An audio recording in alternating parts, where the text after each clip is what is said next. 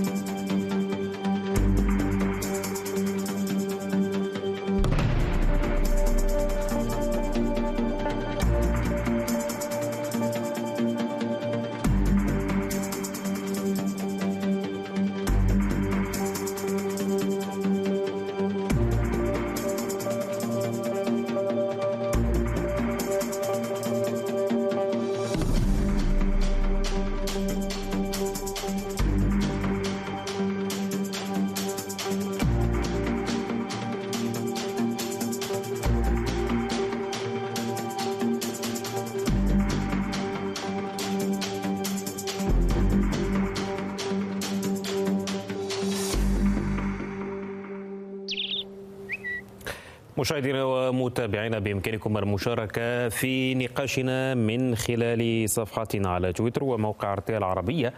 السؤال كما يظهر على الشاشة برأيك ما رسالة حزب الله اللبناني لإسرائيل بعد كشفه عن بدء تصنيع مسيرات وصواريخ دقيقة؟ الحوار اليوم مرحب بضيفي الكريمين من بيروت الخبير العسكري والإستراتيجي العميد هشام جابر. كما أرحب بضيفنا من القدس الكاتب والمحلل السياسي مائير كوهن. أرحب بكما وأبدأ معك سيد مائير بالسؤال عن الموقف على الجانب الإسرائيلي. ما الرسائل التي استنبطتها وقرأتها إسرائيل من ما أعلنه الأمين العام لحزب الله؟ هو في الواقع أن إسرائيل لا تنتظر ما أعلنه السيد حسن نصر الله عن امتلاك صواريخ دقيقة لأن إسرائيل تعلم بوجود هذه الصواريخ في حوزته. بالإضافة إلى الطائرات المسيرة وهو أمر ليس بجديد. والدليل على ذلك أن التقرير السنوي لمركز المعهد الدراسات الاستراتيجية والأمن القومي التابع لجامعة تل أبيب ذكر في تقريره السنوي امتلاك وخطورة امتلاك حزب الله لمثل هذا السلاح. وإسرائيل ما في شك أنها تنظر بقلق بالغ لمثل هذا التطور وهي تتهيأ لهذا الأمر. يعني من جانبها إسرائيل تستعد لمواجهة هذا التطور بتحديد كيفية وتوقيت التعامل مع هذا المشروع. غير أن المسؤولين في المؤسسة الأمنية والعسكرية في إسرائيل يرون أن الوقت لم يحن بعد في تحديد النقطة التي ستحدث. نعم. طب طب سيد مائير يعني حجم التحدي بالنسبة لإسرائيل من وراء هذا الإعلان؟ يعني ما الذي يشكله هذا الإعلان؟ يعني هل هو يعني تهديد شامل؟ هل يفرض تعامل من نوع ما؟ أم ما طبيعة هذا التهديد بالنسبة لإسرائيل؟ يعني هو يريد أن يقول يعني لديه مثل هذه الأسلحة والمط... يعني التي وصلت بشكل متطور ودقيق في حوزته. لاستخدامها استخدامها في أمر واحد فقط في حال قيام إسرائيل بهجوم ضد المنشآت النووية الإيرانية. وهذا الأمر الوحيد المتوفر لديه للإعلان عن ذلك. هو يريد أن ينقل إشارة لإسرائيل إنه في حال قيامها بضرب المنشآت النووية الإيرانية فإن الجبهة الشمالية ستندلع باستخدام مثل هذه الصواريخ. وهي يعني إشارة. وإسرائيل تلقت هذه الإشارة. ولكنها تعتبر أن المسألة لا تتعلق بحزب الله وإنما تتعلق بالتهديد الإيراني بشكل عام الذي يشكل تهديدا استراتيجيا على إسرائيل. نعم. طب العميد جابر أرحب بك مجددا وأسأل عن الهدف قراءتك للهدف من إعلان حزب الله توفره على هذه القدرات العسكرية سواء توفره على صواريخ دقيقة طائرة مسيرة وحتى القدرة على إنتاجها محليا. أولا مساء الخير بس اسمح لي ثانيتين أوضح ككل مقابلة يكون فيها ضيف من إسرائيل أن القانون اللبناني يمنع التخابر أو التعامل أو الاتصال مع ضيف مع أي إسرائيلي وأنا مع كل احترام لست في هذا الوضع. أنا أنا أعطي رأيي وأتصل معكم وأمام الجميع. فقط لمن يهمه الأمر ولمن لا يعلم بقانون وأنا أحترم القانون دولتي. اولا جوابا على سؤالك. شيء واضح جدا. هي رسالة لإسرائيل. أنا برأيي إظهار القوة. كما يقول المبدأ العسكري كي لا تستعملها. هي رسالة لإسرائيل رسالة تردع وأنا أوافق على الكلام الذي قيل أنه إذا شنت إسرائيل حربا على جنوب لبنان أو إذا شنت حربا على البر الإيراني ليس أهداف إيرانية في الخارج فحزب الله جاهز للرد على العدوان الإسرائيلي سواء كان على لبنان أو على إيران. نعم. آه والموضوع هذا هذه أيضا رسالة أنه لماذا دائما تقصفون اهدافا تقولون أنها في سوريا آه وإيرانية وتابعة لحزب الله ونقل أسلحة. لقد قال أكثر من مرة السيد نصر الله أننا اكتفينا لدينا تخمة آه في الصواريخ. وأنا كمان من الرأي القائل أن إسرائيل تعلم وكل مكاتب الدراسات الإسرائيلية منذ سنوات تقول أن لدى حزب الله 150 إلى 200 ألف صاروخ وتتكلم أيضا عن سيناريو المعركة المقبلة وتقول أن هذه المرة سيكون ستكون الحرب مكلفة. جاء السيد نصر الله يقول لهم لدينا طائرات مسيرة لدينا صواريخ دقيقة. كل الأهداف في إسرائيل ستطالها الصواريخ. يوافق على هذا القول. اليوم اليوم تلفزيون إسرائيل الرسمي قال هذا الكلام قال أن هناك 320 ألف صاروخ لديهم وأنهم يستطيعون أن يطلقوا يوميا يوميا 1500 صاروخ. يعني يعني إذا نشبت حرب حرب ال 150 يوم. والسؤال المطروح هل إسرائيل مستعدة أو تتحمل حرب خمسة أشهر؟ هذا نعم كمان 1500 صاروخ أقل أقل من من من, من, من حرب غزة. يعني أقل من حرب غزة. يقال أنه آنذاك كان يطلق أكثر من 4000 صاروخ. يعني لكن يعني يبدو يبقى هذا معطى هامشي نسبيا. لكن دعني أسأل العميد هشام ما يتعلق بالاسلحه التي تمر عبر سوريا؟ إعلان الحزب الآن هل يعني عدم الحاجة القدرة على التخلي بشكل تام عن هذه الأسلحة الإيرانية التي تمر عبر سوريا نحو لبنان؟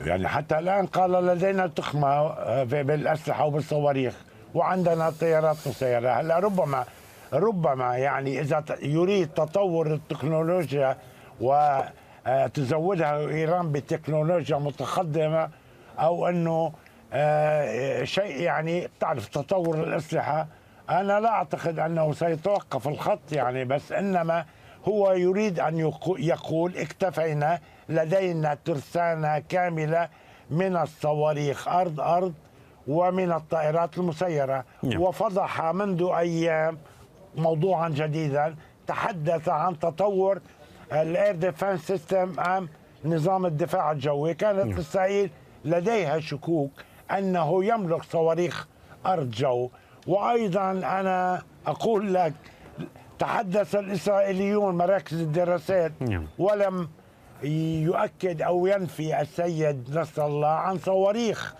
أرض بحر نعم. من نوع يوخونت يمكنها أن تهدد البحرية الإسرائيلية ومنصات النفط والغاز.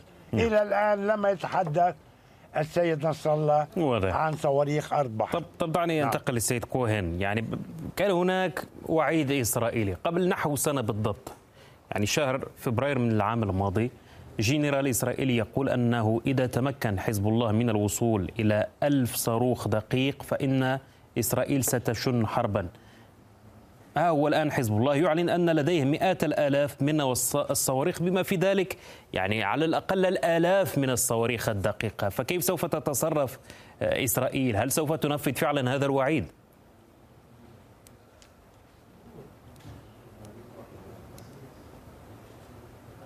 سيد كوهن. سيد مائير هل تسمعني؟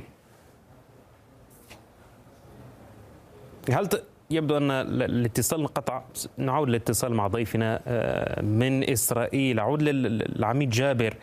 مرة أخرى ما يتعلق الآن بمعادلات الردع؟ يعني عندما يعلن امتلاك حزب الله لمثل هذه القدرات ولمثل هذه آه، الترسانة من الصواريخ الدقيقة هل نتحدث عن يعني تحول جذري في آه، معادلات الردع في المنطقة أم أن إسرائيل يعني والتي تتحدث أيضا عن قدرات جديدة عن آه، قبة حديدية جديدة قادرة على التعامل مع أي تهديدات ما يتعلق بالطائرة المسيرة. يعني تجعل من المعادلات ثابتة. نعم يا عزيزي لأنه لا, لا يشك أحد أحد أن إسرائيل أيضا منذ عشر سنوات حتى الآن قام بتطوير معداتها العسكرية ودفاعها الجوي ودفاع والأسلحة البرية وإلى آخره ورسمت وقامت بعدة مناورات وطورت أيضا سلاح الدفاع الجوي يعني ال defense system في نفس الوقت حصل هذا التطور الهائل بقدرات حزب الله. يعني نحن هنا أمام معادلة ردع كانت بالماضي إنما الموضوع يختلف حاليا.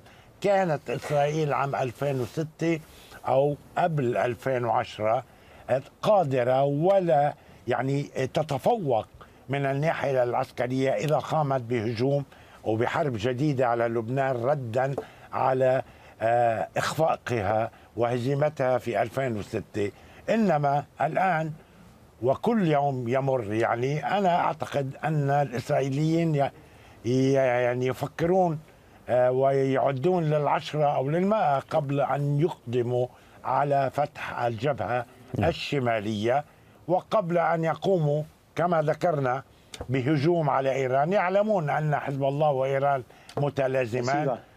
أقول البر الإيراني وليس ضرب مصالح إيرانية برا حتما حتما. وهذا مش أنا اللي عم أقوله نعم. عم تقوله آه، آه، مراكز الدراسات الإسرائيلية وأنا كما ذكرت بعتقد أن لديهم آلاف الصواريخ الدقيقة نعم. لا نعرف طب, عددها طب اسمح لي. يبدو الاتصال آه، جاهز على ما يبدو مرة أخرى مع السيد مائير انقطع الخط قبل قليل وكنت أسأل سيد مائير عن الوعيد الإسرائيلي قبل نحو سنة أحد الجنرالات قال بأن حزب الله إن تمكن من الوصول إلى يعني رقم معين. ألف صاروخ دقيق فإن إسرائيل ستضطر للتحرك عسكريا. الآن وحزب الله يعلن أن هذا الأمر متوفر لديه.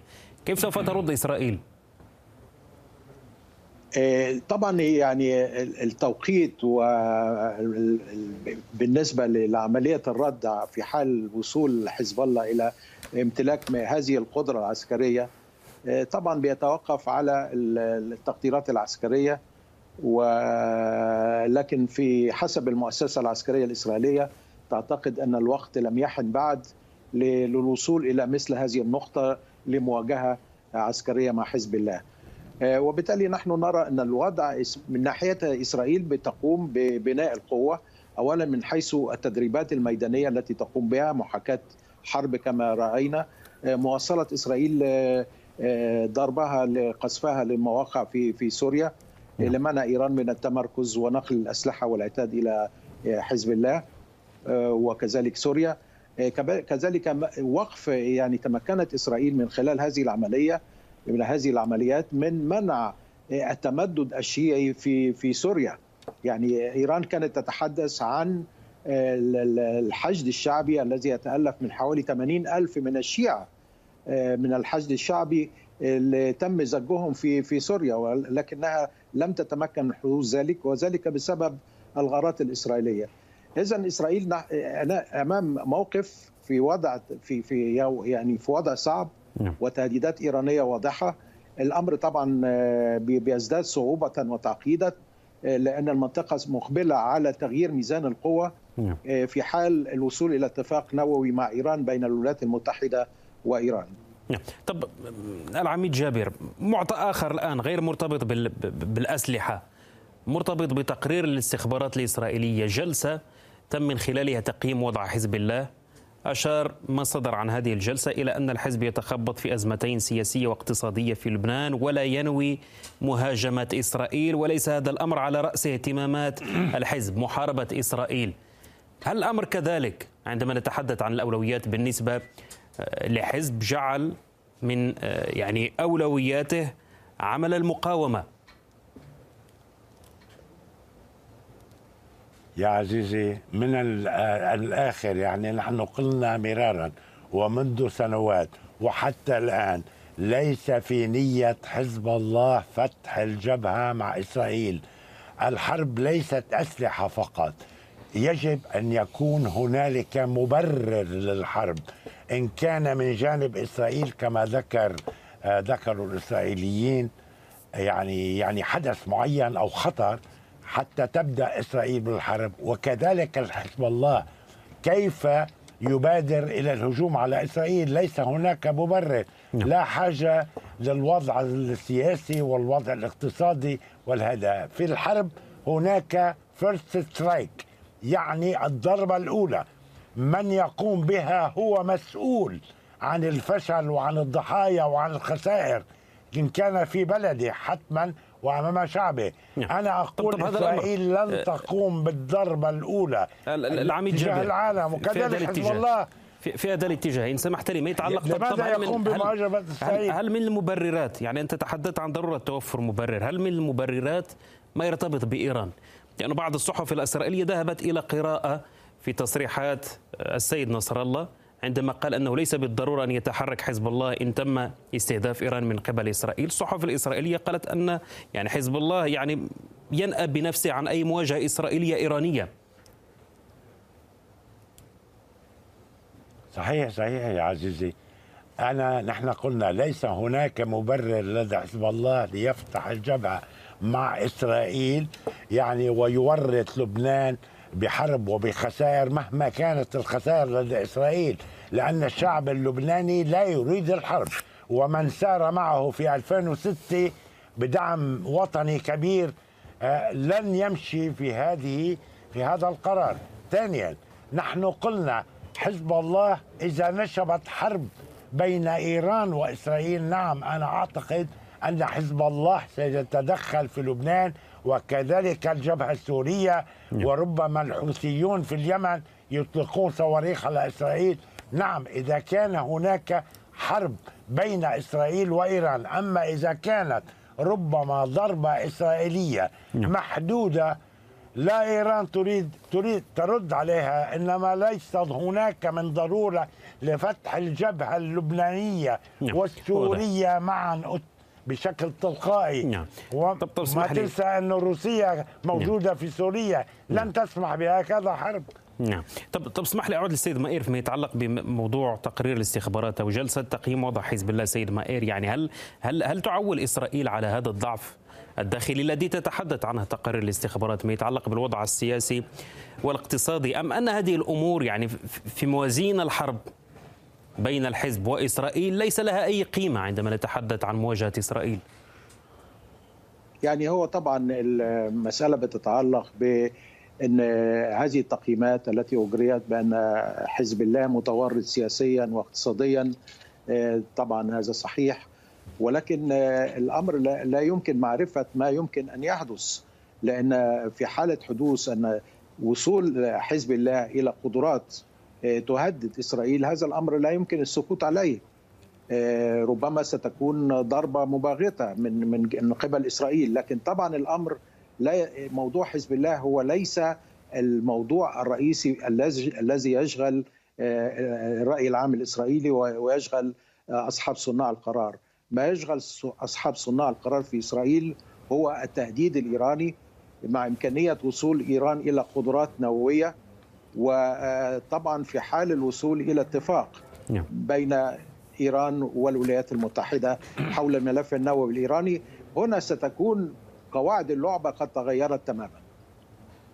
نعم، طب العميد جابر ما يتعلق ب الحدود الآن ترسيم الحدود؟ هناك تطور تتحدث عنه صحيفة هآرتس بما أننا نتحدث عن الأمور إن كانت تتجه نحو التصعيد أم العكس التهدئة. صحيفة هآرتس نقلا عن مصادر أمنية إسرائيلية تقول أن ترسيم الحدود مع لبنان برعاية أمريكية بات يعني تقريبا واقعا بات أمرا مقبلا.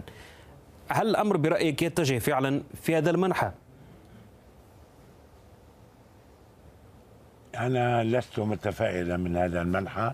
هناك خلاف حتى في لبنان يعني على هذه النقطة بالذات. الطبقة السياسية ظاهر أبلغت المفد الأمريكي أن لبنان يوافق على الخط 23 فئة كبيرة من اللبنانيين لا تقبل بهذا الترسيم وتعتبر إن كان من الخبراء أو من الجيش اللبناني الذي تولى المفاوضات تعتبر أن حق لبنان هو الخط 29 اللي هو أكبر من ذلك. بينما الموفد الأمريكي اقترح أيضا حقل مشترك. الحقل المشترك يعني تطبيع. أنا لا أعتقد إطلاقا أن الاتفاق هو قريب جدا لأن هناك خلاف. أولا بين اللبنانيين ثانيا خلاف بين السلطة السياسية وبين الشعب اللبناني بأكثره والجيش اللبناني الذي يعد الملف. أما الانفراج نعم إعادة المفاوضات أو استعادة استمرار المفاوضات في الناقورة بين الوفدين اللبناني والإسرائيلي برعاية أمريكية. هذا ممكن جدا أن يحصل إذا كان هناك ليونة بالموقف الإسرائيلي حملها الموفد الأمريكي بشكل أن أن يمكن استمرار المفاوضات. لا مانع من ذلك لا يمنع لبنان لا يمنع الجيش لا يمنع الشعب اللبناني.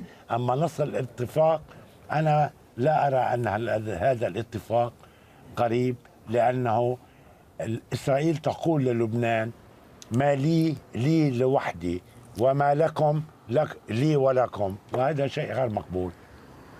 نعم, نعم. طب سيد مائر يعني قراءة في هذه النقطة أيضا هذه التسريبات أو ما نقلتها صحيفة هآرت على مصادر أمنية إسرائيلية بشأن إمكانية حصول تقدم فيما يتعلق بملف ترسيم الحدود. هو طبعا الأمر بيصب في مصلحة الجانبين الجانب الإسرائيلي والجانب اللبناني. يعني لبنان بتعاني من أزمة اقتصادية طاحنة. مسألة استخراج الغاز سيوفر لها اولا إنها تعيش في يعني يكون عندها نور يعني وكهرباء للناس الذين يعيشون في الظلمات في في في أوقات الشتاء. فما فيش شك أن أن هذا الموضوع يصب في مصلحة الجانبين ولكن أنا لا أعتقد أيضا وأتفق مع رأي ضيفك ان إن إيران يعني لا توافق على مثل هذا الاتفاق ومن وراء حزب الله لأن هذا الأمر بيتعلق بالوضع الإيراني الذي يسيطر على لبنان ويمنعها من التقدم والتنفس ويعني والازدهار. الشعب اللبناني يعني في حاجة ان يعيش في حياة يعني مهمة ولبنان هي أجمل بلد في الشرق الأوسط. فشوف وصلت إلى هذا الحد من من من التدهور وأصبحت دولة فاشلة. فهذا الأمر يصب في مصلحة لبنان ولكن الذي يعني يكبل أيدي اللبنانيين ويمنعهم من يعني من أنهم يعيشوا في في وطنهم أحرارا هو إيران وحزب الله من ورائه. نعم. طب نقطة أخيرة مرتبطة بملف الحلقة العميد جابر ما يتعلق ب يعني الجانب النفسي فيما أعلن. هل نتحدث في ظل يعني ما يعلن من الجانب اللبناني جانب حزب الله وما يعلن من الجانب الإسرائيلي عن يعني حرب نفسية أهمية حضور هذا المعطى؟ نعم حرب نفسية دائما هي تجري تجري بموازاة آه، يعني استعاضة على حرب ميدانية هناك حرب استخباراتية هناك جواسيس هناك تخريب هناك حرب إلكترونية تجري هناك آه، آه، أنواع كل الحروب إلا الحرب الميدانية. بس أريد أن أوضح يعني لضيف بموضوع النفط والغاز بلبنان. أنا لا لم أقل أن إيران وحزب الله لم يقبلا يعني ولن يقبلا. أنا قلت نعم. الشعب اللبناني بأسره تقريبا. والجيش اللبناني عد ملفا كاملا متكاملا بالخرائط والقوانين الدولية وثبت حق لبنان والخبراء منهم الدكتور عصام خليفي مثلا خبير بهذا الموضوع مجمعين على عدم قبول لبنان بالتفريط بحقه بالغاز والنفط وعدم استغلال الوضع السيء المتدهور الاقتصادي في لبنان نعم. لانتزاع حقوقه منهم. هذا شكرا. هو الموقف اللبناني نعم. شكرا لكم ضيفي الكريمين. اذا لم يتبقى إلا نذكر بنتائج التصويت والسؤال كما يظهر على الشاشة برأيك ما رسالة حزب الله اللبناني لإسرائيل بعد كشفه عن بدء تصنيع مسيرات وصواريخ دقيقة. النتائج كما تظهر على الشاشة نحو 48% قالوا أن الأمر يتعلق بحرب نفسية وإعلامية 51% منكم اعتبروا الأمر محاولة لكسر التوازن العسكري القائم في المنطقة. إذا لم يتبقى إلا أن نشكر ضيفينا الكريمين من بيروت الخبير العسكري والاستراتيجي العميد هشام جابر. أشكر أيضا ضيفنا من القدس الكاتب والمحلل السياسي مائر كوين. شكرا لكم بهذا مشاهدينا نصل إلى ختام هذه الحلقة. طيب المنى.